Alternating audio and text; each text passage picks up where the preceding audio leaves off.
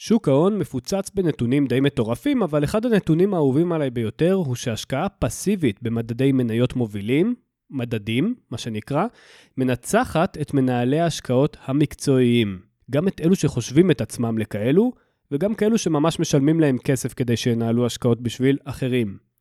מי שעוקב אחרי הפודקאסט הזה, או שקראו את הספר השקעות לעצלנים, כבר יודעים את זה. הם כבר יודעים את התוצאה של כמעט כל המחקרים, אולי אפילו כל המחקרים המדעיים, האקדמיים, שניסו להשוות בין השקעות פסיביות, השקעות עצלות, לבין מנהלי השקעות ומשקיעים אחרים שהם מנסים לבחור בעצמם את המניות בהן ישקיעו. אבל לטובת העוקבים החדשים, וברוך השם, בשבועות האחרונים יש הרבה כאלו, אני אאמלק. בן אדם למד כלכלה, עשה תואר שני במנהל עסקים, רישיון ניהול תיקים, סטאז' בבית השקעות והתמחות בחיתום חברות, ועדיין מלצרית בבית קפה בחצי משרה, שכל אחר הצהריים הולכת לבקר את אבא שלה, ואחר כך הולכת לשחק מתקות בים, מעמיד פנים שעכשיו קיץ. התשואות אותן היא כנראה תשיג, צפויות להיות, בהתחשב בהיסטוריה ובסטטיסטיקה, גבוהות יותר מאשר מנהל ההשקעות המהולל, זה עם התואר השני והכל, אם היא רק תדבוק בהשקעה עקבית במדד מניות מוביל. בפרק הזה אני אפרק לשלושה את העובדה המוזרה של שוק ההון. למה מנהלי השקעות שמשקיעים זמן וכסף במחקר משיגים תשואה פחות טובה מאשר משקיעים ומשקיעות שנוקטים בגישה פסיבית ועצלה. פתיח ומתחילים. אתם מאזינים לפודקאסט השקעות לעצלנים, הפודקאסט שמנסה לפחות להפוך כמה שיותר לא משקיעים לכן משקיעים. אני לא מוכר לכם כלום בפודקאסט הזה, הפודקאסט נותן לכם הכל בלי סודות ובלי שום דבר. הדבר היחיד שאני מבקש מכם זה לדרג את הפודקאסט ולהפיץ את הבשורה. אם אתם מכירים לא משקיעים שצריכים להתחיל להשקיע, ואתם מכירים כאלו, אז תשתפו איתם את הפודקאסט הזה. תודה רבה, והנה אנחנו מתחילים. אז כאמור, יש שלוש סיבות עיקריות וסידרתי אותן מהפחות משפיעה אל היותר משפיעה. שימו לב. חיסכון בדמי ניהול ועמלות, זו הסיבה הראשונה. הסיבה השנייה היא דחיית מס, אנחנו נדבר כמובן על כל אחת מהן. והסיבה השלישית היא נטרול האויב מספר אחת של תיק ההשקעות שלכם. כרגע אני לא אגלה לכם מהו, תיאלצו לחכות לסוף. אבל לפני שמתחילים, הודעה ממש קצרה. ידע הציבור וייזהר.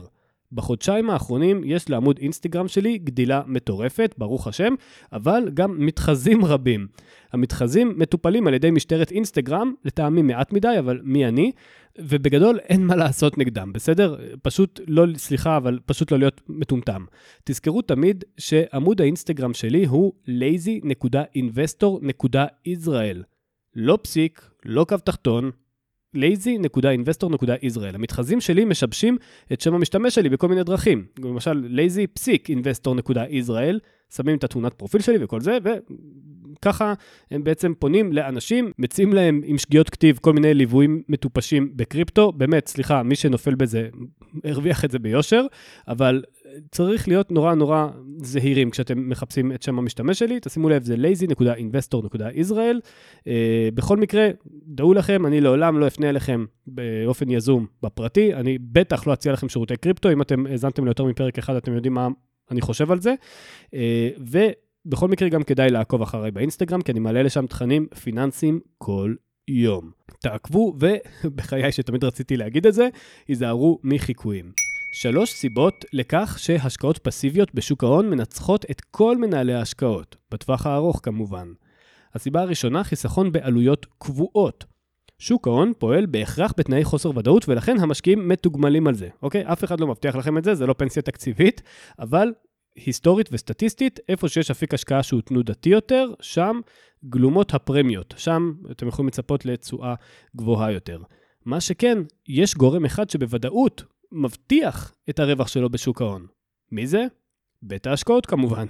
הברוקר, דרכו אתם תסחרו, יגבה מכם דמי ניהול חודשיים, עמלות קנייה-מכירה, עמלות המרה, אם אתם תרצו להמיר את השקלים שלכם לדולרים וההפך, ואין בכלל שאלה אם אתם תרוויחו או לא. הבית תמיד מרוויח. הסיבה השנייה שבגללה המשקיעים פסיביים מנצחים את המשקיעים האקטיביים היא דחיית מס. זה עוד גורם שתמיד מרוויח את הרווח, שתמיד מבטיח, סליחה, את הרווחים שלו, זו מדינת ישראל. כמו כל מדינה חפצת חיים, גם מדינת ישראל תובעת את מיסיה, ועושה את זה גם באופן, אפשר להגיד, יחסית יעיל. במקרה של שוק ההון, זה במידה ואתם מרוויחים. אם הפסדתם, לא נורא. היא תחכה ליום שבו תתחילו להרוויח, ואז היא תדע לתבוע מכם את המס המגיע לה, על פי החוק. הגורם השלישי והמשפיע ביותר על תשואת התיק שלכם הוא האויב מספר אחת של תיק ההשקעות שלכם. אני אשאיר אתכם קצת במתח בעניין הזה, בואו נצלול לעומק לחלק הראשון, לסיבה הראשונה. אז הסיבה הראשונה, כמו שאמרנו, זה חיסכון בדמי ניהול ובעמלות. כשאני אומר מעכשיו מנהלי השקעות, שימו לב, אני מתכוון גם למנהלי השקעות מקצועיים, כאלו שעובדים באלצ'ולר שחם, בהפניקס אה, וכולי וכולי, אה, או בקרנות גידור פרטיות. יש גם בתי השקעות פרטיים שישמחו להשיא לכם תשואה אה, בתמורה לדמי ניהול ועמלות. אני מתכוון גם, כשאני אומר מנהלי השקעות, אני מתכוון גם לאלו שיושבים בבית אחרי העבודה, ובמקום לבלות עם הילדים, או לשחק כדורגל עם חברים, הם קונים מניות של טסלה, כי זה מה שאמר איזשהו מישהו באינטרנט. כל אדם שסובר שהוא חכם מספיק כדי לנצח את השוק, הוא מבחינתי מנהל השקעות, מנהל השקעות אקטיבי, שלהבדיל ממשקיע פסיבי, מבזבז זמן ו/או כסף על התיק השקעות שלו. עכשיו תראו, ברור שבכל שנה נתונה יש מנהלי השקעות שיצליחו בטירוף, ויש מנהלי השקעות שיפסידו את המכנסיים, ויש גם כל מיני שהם יהיו בין לבין. אבל לכלל הביצועים בשוק, תסכימו איתי על האמירה השנייה, אולי הקצת גבוהה הזו, יש ממוצע ויש חציון, בהכרח. לכל קבוצה יש כאלו שהם מעל הממוצע במשהו, בכל דבר, יש כאלה שהם נחמדים מהממוצע ויש כאלה שהם פחות נחמדים מהממוצע. אה, אני מקווה שאני בחלק הראשון של הקבוצה, אבל בכל קטגוריה ובכל קבוצה יש כאלה שמעל הממוצע ויש כאלה שמתחת, נכון? הגיוני. ויליאם שרפ, כלכלן זוכה פרס נובל, שאני מאוד אוהב להזכיר את השם שלו בפודקאסט הזה וגם בספר, הוא הסביר בשנת 1991 באופן מתמטי למה כל מנהלי ההשקעות בעולם לא יכולים להשיג תשואה עודפת מעל המדד. תחשבו על זה. זה כל כך הגיוני עד כדי כך שלא צריך בכלל לפרסם על זה מחקר. הרי אם תשאלו את כל הנהגים בזמן פקק באיילון, כולם יגידו לכם שהם נהגים טובים יותר מהממוצע. אבל האמת היא שלפחות חצי מהם טועים. הם לא משקרים, הם טועים. יש חציון מסוים, ובמקרה הזה הוא גם די קרוב לממוצע כנראה, והאמת היא שבערך חצי מהנהגים יהיו נהגים טובים מהממוצע, וחצי מהם יהיו נהגים גרועים מהממוצע, אפילו שהם חושבים אחרת. אם מנהל השקעות מסוים מצליח להביס את השוק בשנה מסוימת, זה אומר בהכרח שמנהל השקעות אחר ישיג תשואה שהיא פחותה לתשואת השוק באותה השנה. זה הגיוני. ואין שום הבדל בין שתי הדוגמאות האלו, זה בדיוק אותו הדבר. אני לפחות לא מוצא איזשהו הבדל. ממוצע התשואות של כלל המשקיעים בעולם הוא תשואת השוק, ולכן מנהלי השקעות ישיגו בממוצע בשנה מסוימת את תשואת השוק. אבל, וזה אבל גדול, זאת תהיה תשואת השוק פחות דמי הניהול שהם יגבו מהלקוחות שלהם. אין מה לעשות, מישהו צריך לשלם על רכבי היוקרה האלו שתקועים באיילון. אז אם ניקח את כל המשקיעים המקצועיים בעולם, ונערבב אותם בקערה אחת, נעשה מהם שקשוקה, כמו שאמרו בסרט. התשואה הממוצעת על דולר מתוך השקשוקה הזו, מתוך הקערה הזו, תהיה זהה לחלוטין לתשואת המדד. אבל, וגם זה אבל גדול, זה אותו אבל למעשה, היא תהיה זהה לחלוטין לפני עמלות קנייה ומכירה ודמי ניהול. לפני דמי הניהול והעמלות, אפשר לצפות שחצי ממנהלי ההשקעות המקצועיים יכו את המדד. אבל אם מתחשבים בניכוי דמי הניהול והעמלות האלו, אפשר לצפות שיותר מחצי ממנהלי ההשקעות ישיגו תשואה שהיא מתחת לתשואת המדד. אם לא הבנתם את זה, או שזה עשה לכם איזשהו מישמש בראש, או שלא יודע מה, בדיוק הסתכלתם מהחלון על איזשהו משהו, אני, אתן, אני אגיד את זה במילים פשוטות הרבה יותר. כשמנהל השקעות מחליט למכור מניה מסוימת, יש מנהל השקעות אחר בצד השני, שרוכש את אותה המניה בדיוק, נכון? אם זה היה כל כך ברור שזה רעיון טוב לקנות את המניה הזו במחיר הזה, אז כנראה ששניהם היו רוצים לקנות אותה. אבל לא, זה לא המצב. כל עסקה שיש על כל מניה בשוק ההון, יש שני צדדים, אחד שחושב שזה רעיון טוב לקנות ואחד שחושב שזה רעיון טוב למכור. אז מי מהם צודק? רק אחד מהם הולך להיות צודק. אבל מה שבטוח זה ששניהם לקחו אחוז שלם של דמי ניהול מהלקוחות שלהם. עכשיו, תשאלו את עצמכם, כמשקיעים, שאולי משקיעים דרך מנהל השקעות אקטיבי, האם אתם כמשקיעים מוכשרים מספיק כדי לבחור את מיעוט מנהלי ההשקעות שישיגו תשואה עודפת על תשואת המדד בשנה, ש... בשנה הקרובה, בשנת 2023, במקרה הזה? האם אתם באמת יכולים לבחור את מנהל ההשקעות הנכון? ונניח וכן, הרי לא בכל שנה כל מנהלי השקעות חוזרים על הישגי השנה שעברה. נהפוך הוא, למעשה מי שהשיג תשואה עודפת בשנה מסוימת, יש להם סיכוי רב יותר לבלות בשנה הבאה, בשנה העוקבת, מתחת לתשואת המדד. ואני עוד מעט אסביר גם למה. האם אתם תהיו מספיק חכמים כדי לנחש ניחוש מוצלח גם בשנה הזו וגם בשנה הבאה אחריה? וזו שאחריה? וזו שאחריה? תרשו לי לפקפק בזה. מחקרים רבים הוכיחו, ואני לא אוהב שבפודקאסטים אומרים מחקרים הוכיחו ולא נותנים רפרנס, אני דווקא כן אתן. אז המחקרים האלה מצאו שהקשר בין השגת תשואה עודפת למדד לבין כישוריהם או הידע של מנהלי השקעות מקרי בהחלט. מחקר מרכזי שנערך בנושא הזה, קוראים לו On Persistence in Mutual Fund Performance. משנת 2012, מרק קרהארט קוראים לחוקר, והוא בדק ביצועים של קרנות נאמנות מנוהלות במשך 30 שנים, שלושה עשורים, משנות ה-60 עד שנות ה-90.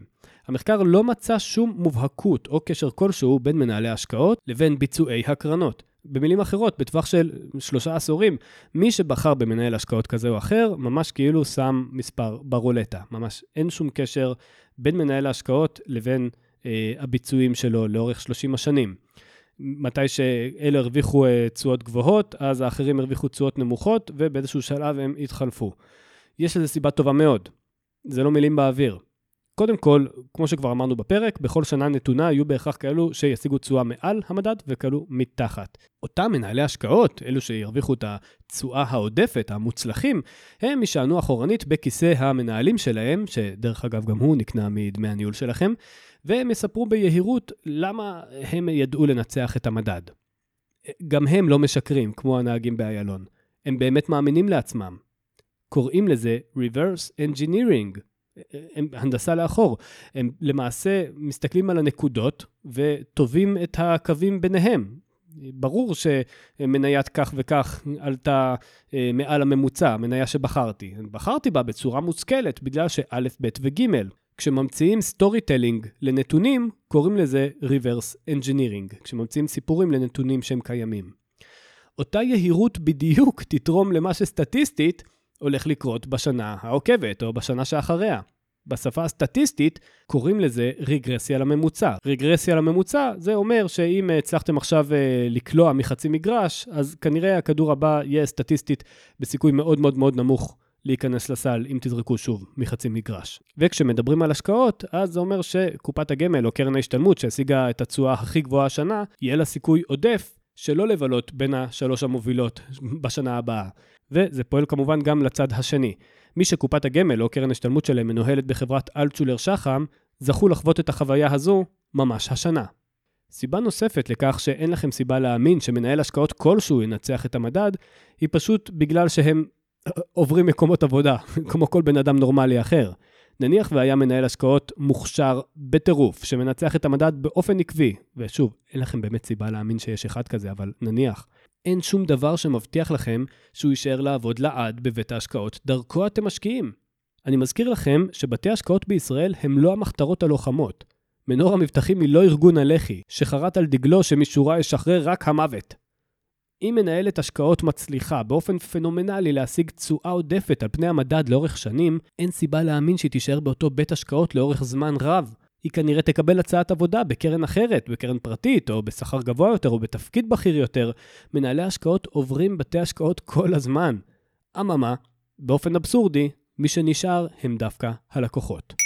יש פשוט אין סוף מחקרים שנעשו בנושא הזה של קרנות מנוהלות אל מול קרנות פסיביות, ועוד לא מצאתי מחקר אחד רציני שמראה שיש סיבה כלשהי לשלם לאדם כלשהו על ניהול השקעות בשוק ההון.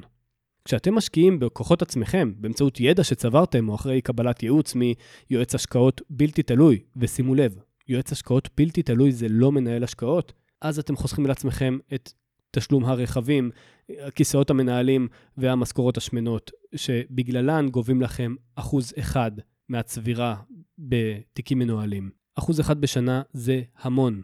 קרנות סל פסיביות המחקות את המדדים גובות פחות מעשירית מכך. פחות מעשירית. אני אגיד את זה שוב, רק הפוך. השקעות מנוהלות עולות לכם פי 10 מהשקעות פסיביות, שככל הנראה ישיגו תשואה עודפת על פני מנהלי ההשקעות המוכשרים שלכם. דמי הניהול הקבועים בחשבון מסחר הם בסך הכל 20 שקלים לחודש, flat, לא משנה מה גובה ההשקעות שלכם במשך השנים.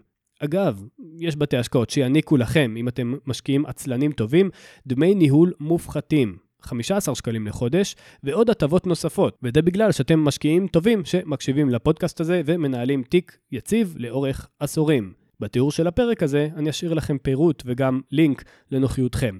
אבל שימו לב, מבין שלושת ההסברים לכך שמשקיעים עצלנים מנצחים את כל מנהלי ההשקעות המקצועיים, הסיבה הזו שציינתי, עמלות ודמי ניהול, היא הפחות חשובה. סיבה חשובה מדמי הניהול והעמלות היא דחיית המס.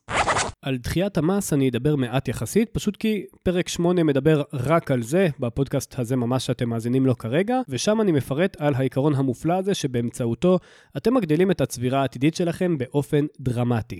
דמיינו לעצמכם שהייתם מכינים דג לשבת, נניח דג דניס במקרה הזה, אבל רגע לפני שהוא נדחף אל התנור, הדניס היה פוער את הלוע שלו ומציע לכם את ההצעה הבאה. אם תשחררו אותי לחופשי, אני אדאג לכך שאת מס ההכנסה שלכם שאתם משלמים בכל חודש, תשלמו רק מתי שמתאים לכם, ועד אז תוכלו להשקיע את הכסף הזה שאתם לא משלמים בינתיים כמס, וליהנות מהרווחים של ההשקעות שלכם.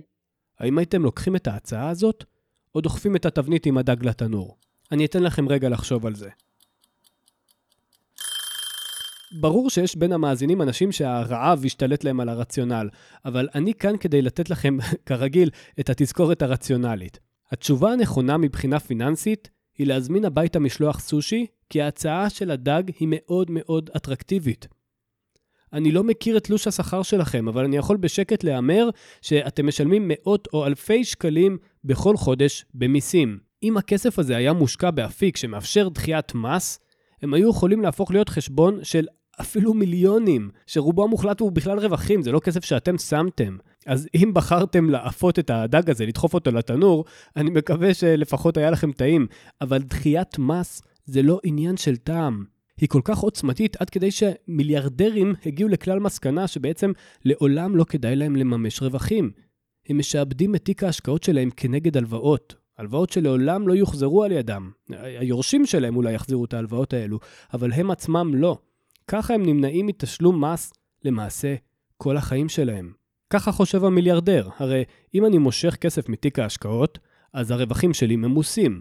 אם אני לוקח הלוואה על חשבון תיק ההשקעות, אם יש לכם מספיק כסף בתיק ההשקעות, גם אתם תוכלו לעשות את זה. אז לא רק שהמשיכה הזו לא ממוסה, אלא הריביות שיחייבו אותי על ההלוואה הזו, הריביות האלה נוצאה מוכרת לעצמאים. אז אין סיבה לממש רווחים למעשה לעולם. זו לפחות המסקנה שאליה המיליארדרים מגיעים באיזשהו שלב, וכך נולדה לה אסטרטגיית דחיית המס של המיליארדרים, שנקראת BBD, ראשי תיבות של Buy, Borrow, Die. מעטים יודעים את זה, אבל מיסים זו אחת משלושת ההוצאות הכבדות ביותר של אדם בחייו.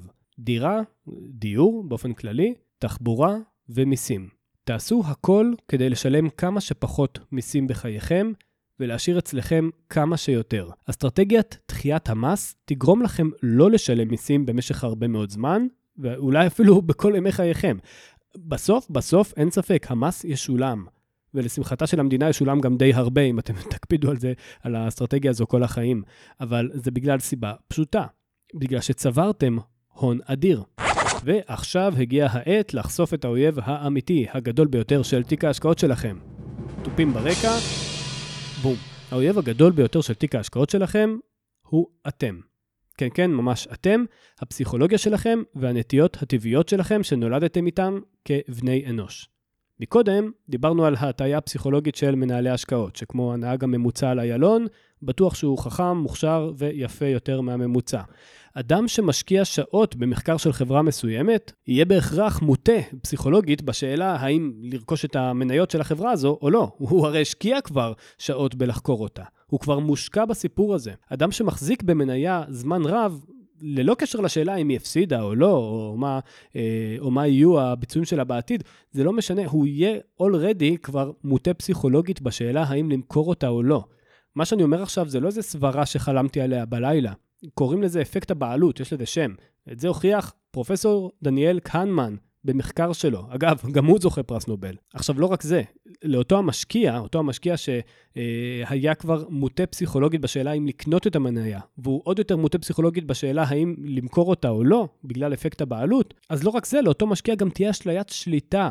הוא יספר לעצמו ממש כמו, היום יש הרבה דוגמאות מתחום הרכב, ממש כמו בן אדם שנוסע ברכב ויש לו איזושהי אשליית שליטה, שברגע שתהיה פה תאונה, אז בטח, אני מזנק מהחלון, אז בזמן שאין לכם בעצם שליטה במצב כזה, ברור שאין לכם שליטה במצב כזה, גם משקיע שהוא כבר מושקע פסיכולוגית, רגשית, באיזושהי מניה מסוימת, גם הוא חושב שיש לו איזושהי שליטה על, על, על המניה הזו, בגלל שהוא חקר אותה, נכון? היא איתו כבר הרבה מאוד שנים, אז מה פתאום שהיא תפתיע אותו? מיותר לציין שזה שקר שאנחנו מספרים לעצמנו, ואני בטוח שיש בין המאזינים גם כמה משקיעי ערך, או so called משקיעי ערך, שמהנהנים כרגע בהסכמה. אין מה לעשות, זה טבעי.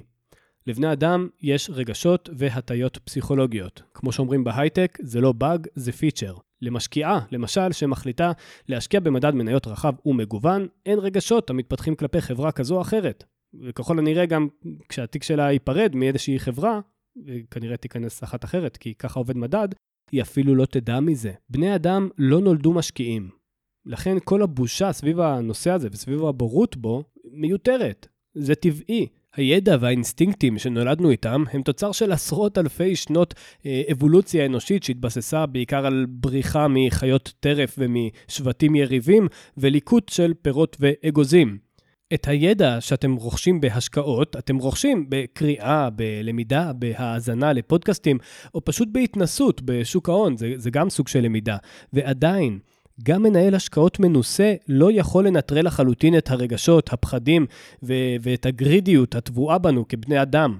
המשבר הראשון שאני חוויתי כמשקיע היה בשנת 2008, הייתי חייל צעיר, בן 20, וכאב ההפסד, מורג... אני, אני זוכר אותו עד היום, והוא זה שגרם לי למכור באותו הרגע, באותו רגע היסטרי, את כל התיק שלי. בשנת 2020 הייתי בן 32, ותיק ההשקעות שלי ידע כמה תהפוכות בחייו, אז היה לי את הידע הדרוש לעבור את המשבר הגדול הזה של מרץ 2020, אה, מינוס 38% בשווקים המובילים, והיה לי גם את החוסן הנפשי לכך. אבל עדיין, אין מה לעשות, זה היה לא נעים. ומי שאומר אחרת פשוט משקר.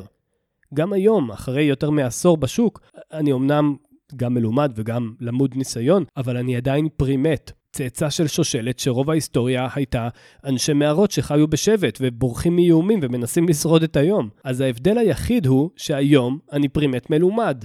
אבל עדיין תחושת אובדן היא מאוד כואבת, והחוכמה של המשקיע הפסיבי היא לא להתעלם מהכאב הזה או לשחק אותה גיבור גדול, אלא להכיר בכאב, ובכל זאת לדבוק בתוכנית.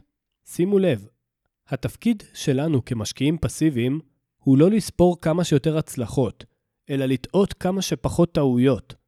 החדשות הטובות הן, זה אומנם נורא נוגד את האינטואיציה, לפחות בהתחלה, אבל זה הופך קל יותר עם השנים. והעובדה שאנחנו משקיעים במדדים ולא במניות ספציפיות, הופכת את הסיפור לקל יותר מבחינה פסיכולוגית, כי לא צריך להתאהב במניות ואין כאב בפרידה. 40 אלף שקלים. תודה רבה לך. זה מה שכתב לי אחד המאזינים של הפרק הקודם של הפודקאסט הזה. זה היה פרק על החזרי מס לשכירים, ואחד המאזינים שהקשיב לו גילה תוך שעה אחת שרשות המיסים חייבת לו 40 אלף ש"ח שיחזרו אליו במהרה ובתוספת ריבית והצמדה.